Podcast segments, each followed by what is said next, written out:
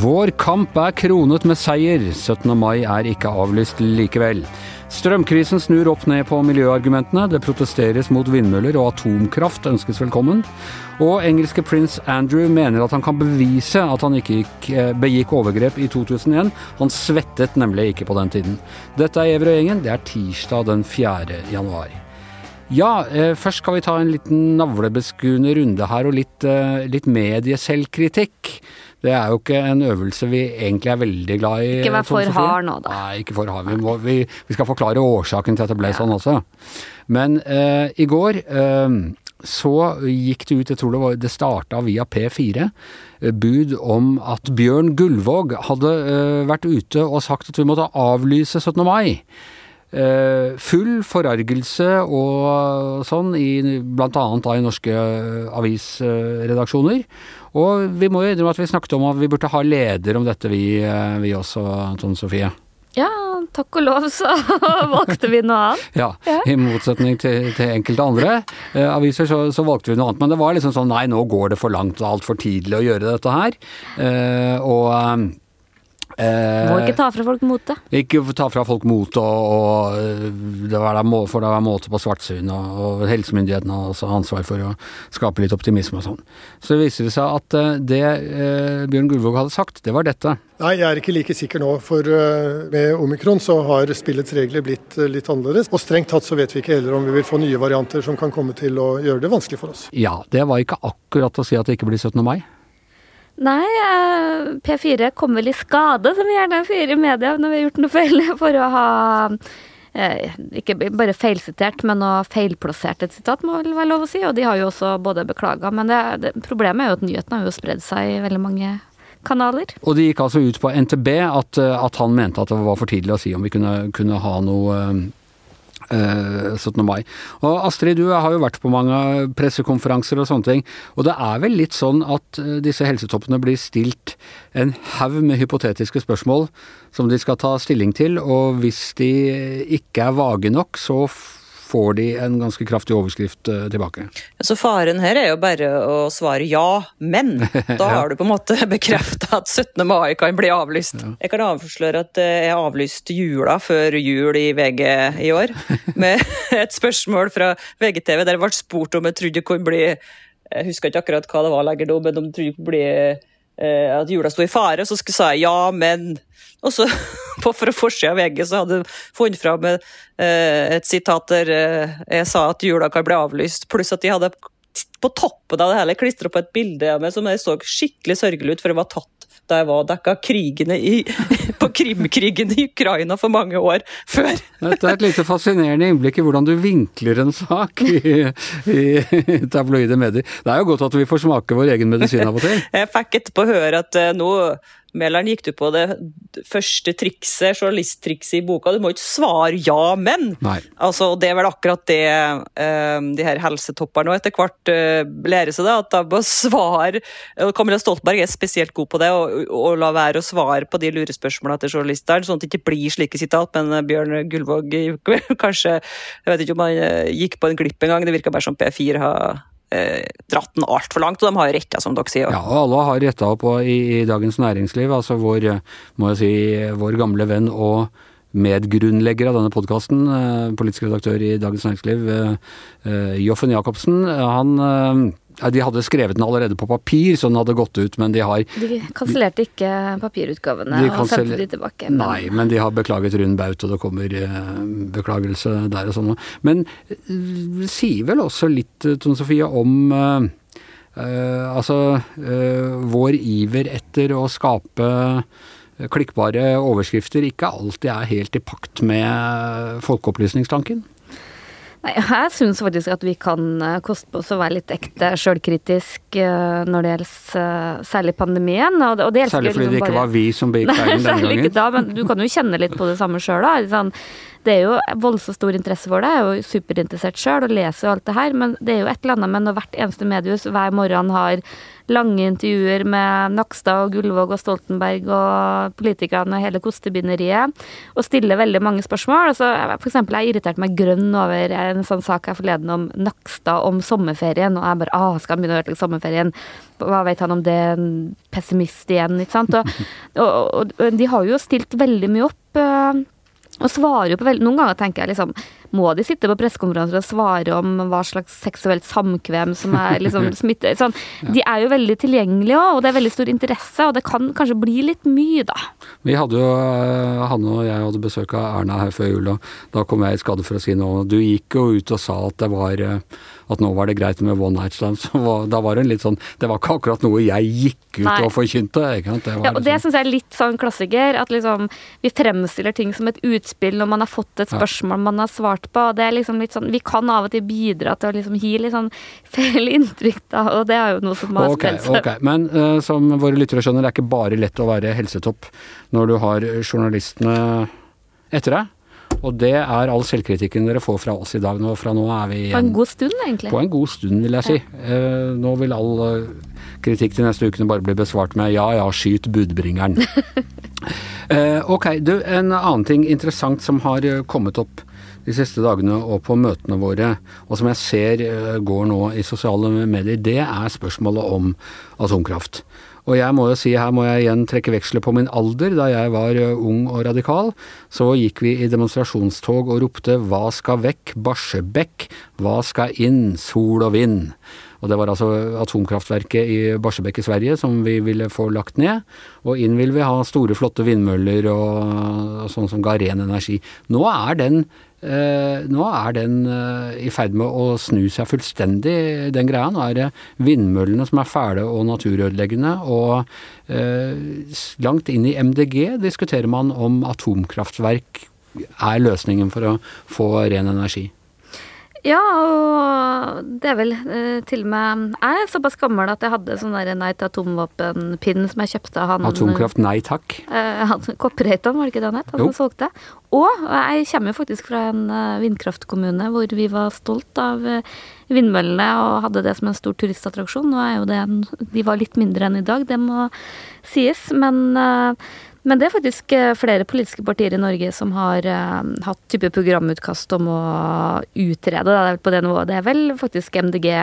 Og det, og det har vært en ganske sånn konfliktlinje i MDG, for hvor en del ungdommer og sånn har vært sånn positive til det og tenker at det her er uh, klimavennlig, får mye effekt ut av det. Mens en del av de eldre får bare fullstendig stritter imot av bare ordet, for det er veldig negativt lada. jeg føler det er som om hobbitene skal gå rundt og støtte Sauron, liksom. Ja, er, ja, og sånn har det liksom den debatten, og det har jo heller ikke vært aktuelt i Norge, for vi har jo hatt vannkrafta Eh, men i Europa så er jo det en helt eh, relevant diskusjon. Og en av de store debattene nå er jo at en, en kommisjon i EU har jo ønska å ha grønt stempel på atomkraft eh, i likhet med også naturgass en god stund. Og det er jo en stor diskusjon om i, i Danmark f.eks. om det er riktig eller ikke.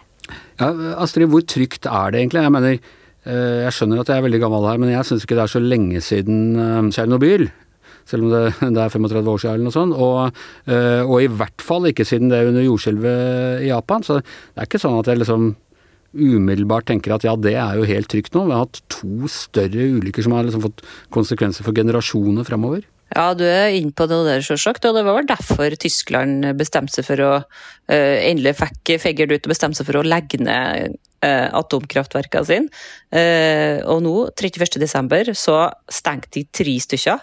Men det var så utrolig dårlig timing, fordi uh, som oss alle vet, så har jo strømprisene våre så ekstremt høye nå i desember.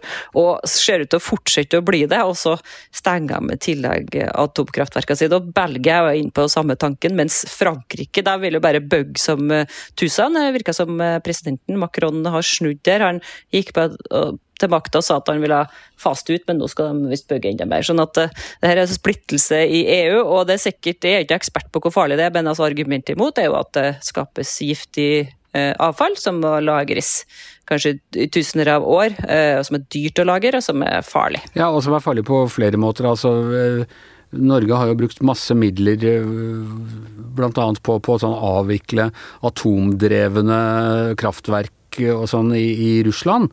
Fordi etter hvert som, som Sovjetunionen kollapsa, så sto det masse farlige greier rundt der. Og det er jo farlig også fordi det kan komme eh, i hendene på terrorister eller eh, stater som ikke har eh, gått i sinne, eller hva vi kaller dem for noe. Ja, Det er vel bare en erkjennelse av at hvis de skal nå klimamålene sine, så er det umulig uten kjernekraft. For det, jo, det slipper ikke ut noe eh, klimagass.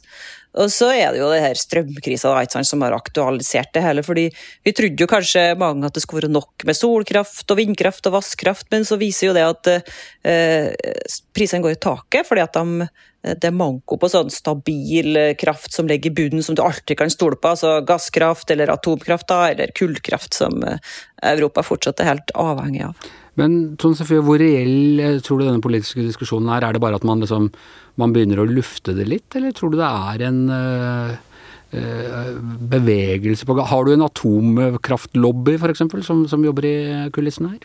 Nei, i Norge så opplever jeg at det er veldig lite. Litt sånn gryende interesse rundt det. Men i Europa så er det jo I Danmark så er det jo flere politiske partier som tar til orde for at det bør man eh, utrede, og, mens eh, Finland Samtidig så liksom, det er jo ganske langt lerret. Finland har jo tatt 20 år fra man vedtok det til man nå eh, er klar for uh, igangsetting. Men det har jo virkelig skjedd en mentalitetsendring i Europa hvor I Frankrike det er vel 70% av energien etter hva jeg forstår, som er atom. og og, og, jeg tror mange har fått øynene opp for den ustabiliteten med at vi er så avhengig av vær og vind. Det er jo det ene. Det, det framstår jo som at det er pga. at det er ekstreme tilstander nå at vi har så høye strømpriser, men det virker jo ikke akkurat som det er ekstremt i Europa, liksom. Det blåser litt lite. Det er altfor godt vær, rett og slett. Ja, ja, ja, men det virker veldig sånn uh, sårbart. Det er ikke nok ekstremvær? Nei, det blåser litt lite, og det regner så lite, og derfor skal vi ha sånne priser. Og så det som vi tidligere har liksom tenkt at var lettvint, og det som Vi skulle jo være Europas grønne batteri, snakka politikerne om for noen år siden. Nå er jo det Vi er jo veldig kritiske til det, for det gjør at vi får mye høyere priser her. Og i tillegg så har jo mye av den eh, grønne energien, vannkraft, vindkraft, eh, blitt eh, veldig mye mer uglefødt, da. Så ja. hvem vet? Så da er atomkraft i vinden inntil vinden snur, kan vi si det sånn? Det, det er i hvert fall et eksempel på hvor utrolig fort det snur. Ja. Det, mm. Jeg tror det betyr kjempemye for atomkraft eh, og gasskraft, for så vidt, da, hvis EU-kommisjonen sitt forslag nå, som eh, kom nå på eh, rett etter nyttår, om at det her skal være sånne bærekraftige næringer, så betyr det kjempemye. Det betyr at milliarder vil investeres i atomkraft, antagelig. Men det kan jo hende at de ikke blir enige. da. Nå truer jo Østerrike med søksmål hvis det her går igjennom, hvis det blir vedtatt. og Luxembourg er rasende, og Tyskland er jo selvfølgelig rasende. mens Frankrike på andre sida har med seg ti land eh, cirka, som er veldig for atomkraft. Så Et annet element, da, bare for å kaste inn det, det er jo den frykten man etter hvert ser å være avhengig av sånn Putin og andre for å, for å gass og andre energikilder. Så det er jo også noe man er opptatt av i EU, å være sjølforsynt.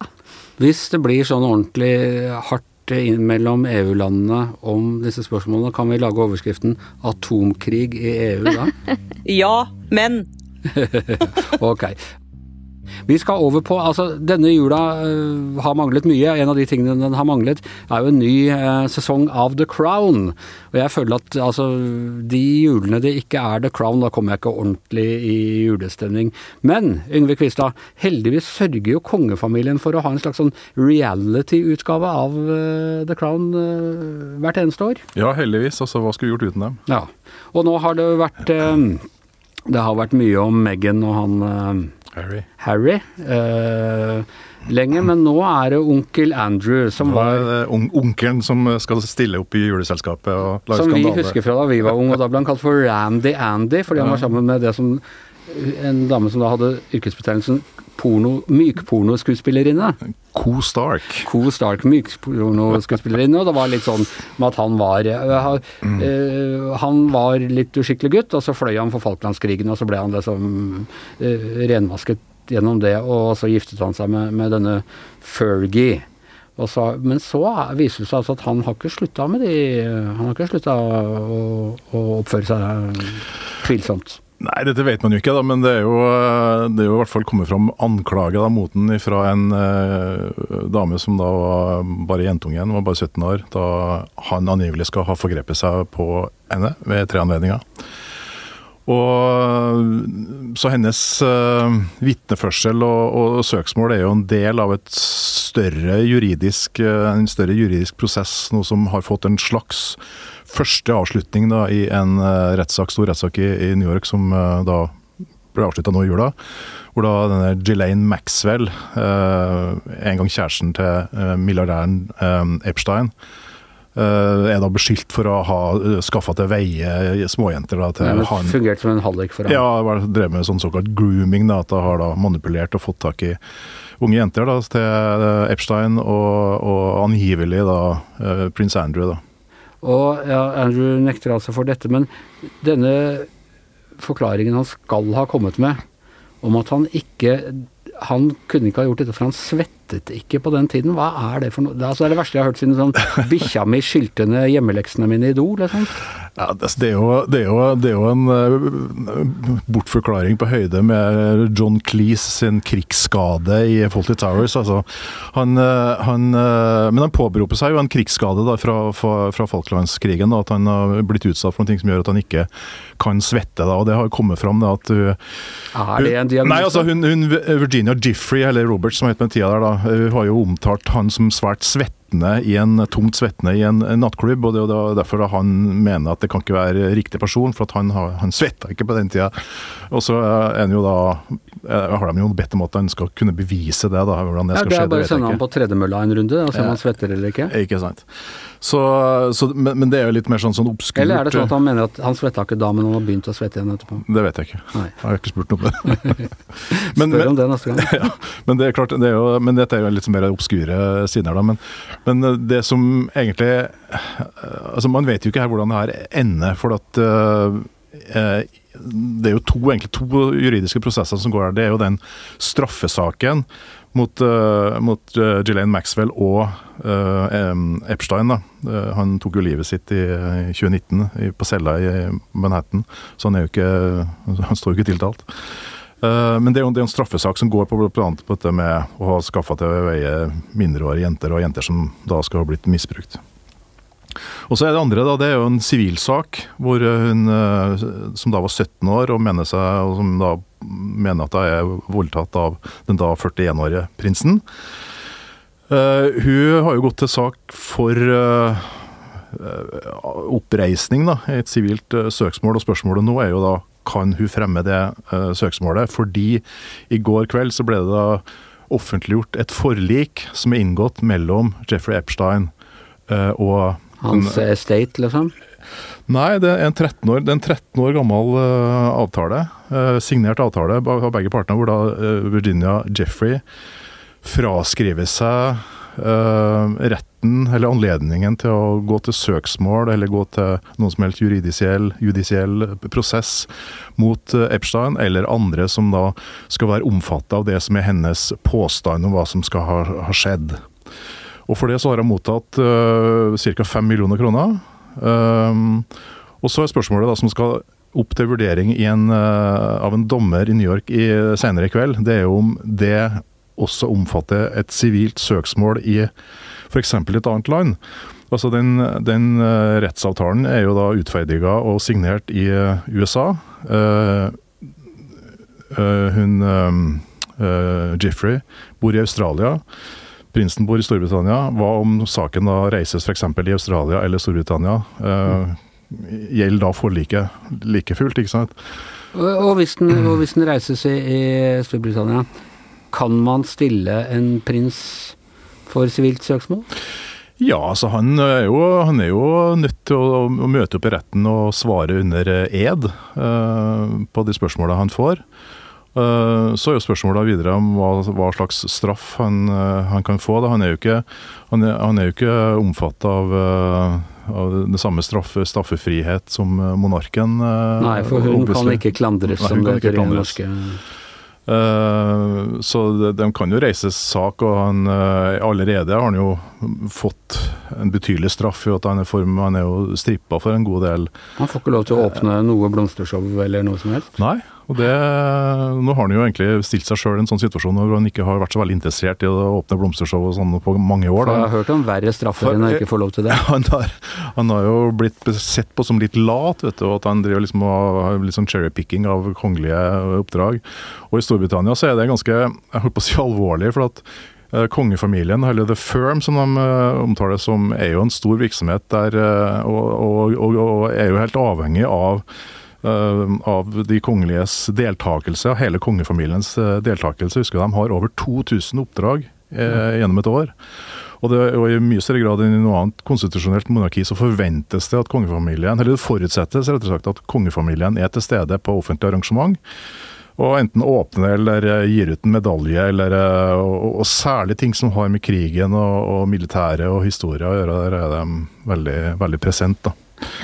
Så, så, så, så det at han også da har liksom vegra seg for å være med på en del sånne ting, det har også gjort at han, han har det sies at han har veldig få venner, da, både i familien og i, eh, ved hoffet. og sånt, og han har, liksom, han, ikke, han har ikke vært noe grei med folk på tur opp, og da er ikke folk greie med han på tur ned. Nei, Så enkelt er det. han har ikke hørt på den gamle amerikanske. Han har ikke det. Han har ikke lest Esops fabler, rett og slett. Nei. Når, er det du, når får vi vite om han blir stilt for retten? uh, altså I kveld så skal det være da en dommer som eh, kommer med sin vurdering da, om den avtalen, eh, om det forliket er, bindende for et sivilt søksmål eller ikke. Men eh, det kan jo egentlig bare, hvis han sier nei, så kan jo i prinsippet kan jo i prinsippet Virginia Jiffrey ta ut søksmål enten i Australia eller i, eh, i Storbritannia. da. Så da spørsmålet var hvordan det vil bli behandla. Den saken her eh, den har vi ikke sett slutten på ennå. Det holder til en hel sesong av, av The Crown. dette. Det vil jeg tro. absolutt. Har du regna ut når dette her kommer på The Crown? Det har jeg ikke. Nei. Har du? Nei, jeg har ikke det, men jeg, jeg tenker at altså, nå, nå er det jo hele skilsmissen til Charles og Diana, så er det så er det Buckingham Palace som Nei, ikke Buckingham Palace, som var det som brant igjen. Windsor. Windsor Castle som brant. og det er, en del ting de skal gjennom, så jeg tipper at det er minst tre sesonger til. Altså. Ja, så tenker jeg på at, at sånn som i The, i The Crown, så får du alltid en veldig sånn inngående, inngående møte med familier og også til bi, bi, altså, eller de som først starter som bikarakterer, men som hovedpersoner. Så jeg er jo veldig spent på hvem som skal spille Robert Maxwell. Ja, Faren til Jelaine Maxwell, ikke Nemlig, sant? og, og tabloidkonge de luxe. Jeg er mest spent på hvem som skal spille hun mykporno Co-Stark, ja. Co-Stark. ja. Jeg Det er mest spent på den episoden Markle. Den episoden om Harry som nazi er den jeg egentlig gleder, gleder meg mest til. Men eh, det, det, er, det er en episode, det er ikke en hel sesong. Ok. ehm, jeg tror vi må, må si takk for oss for i dag. Eh, her i studio Yngve Kvistad og Tone Sofie Agling på link hjemmefra. Eh, Astrid Mæland, jeg heter Anders Giæver, og produsent og juvelen i kronen er som vanlig Magne Antonsen. Lydklippet var fra P4. Du har hørt en podkast fra VG. Ansvarlig redaktør, Gard Steiro.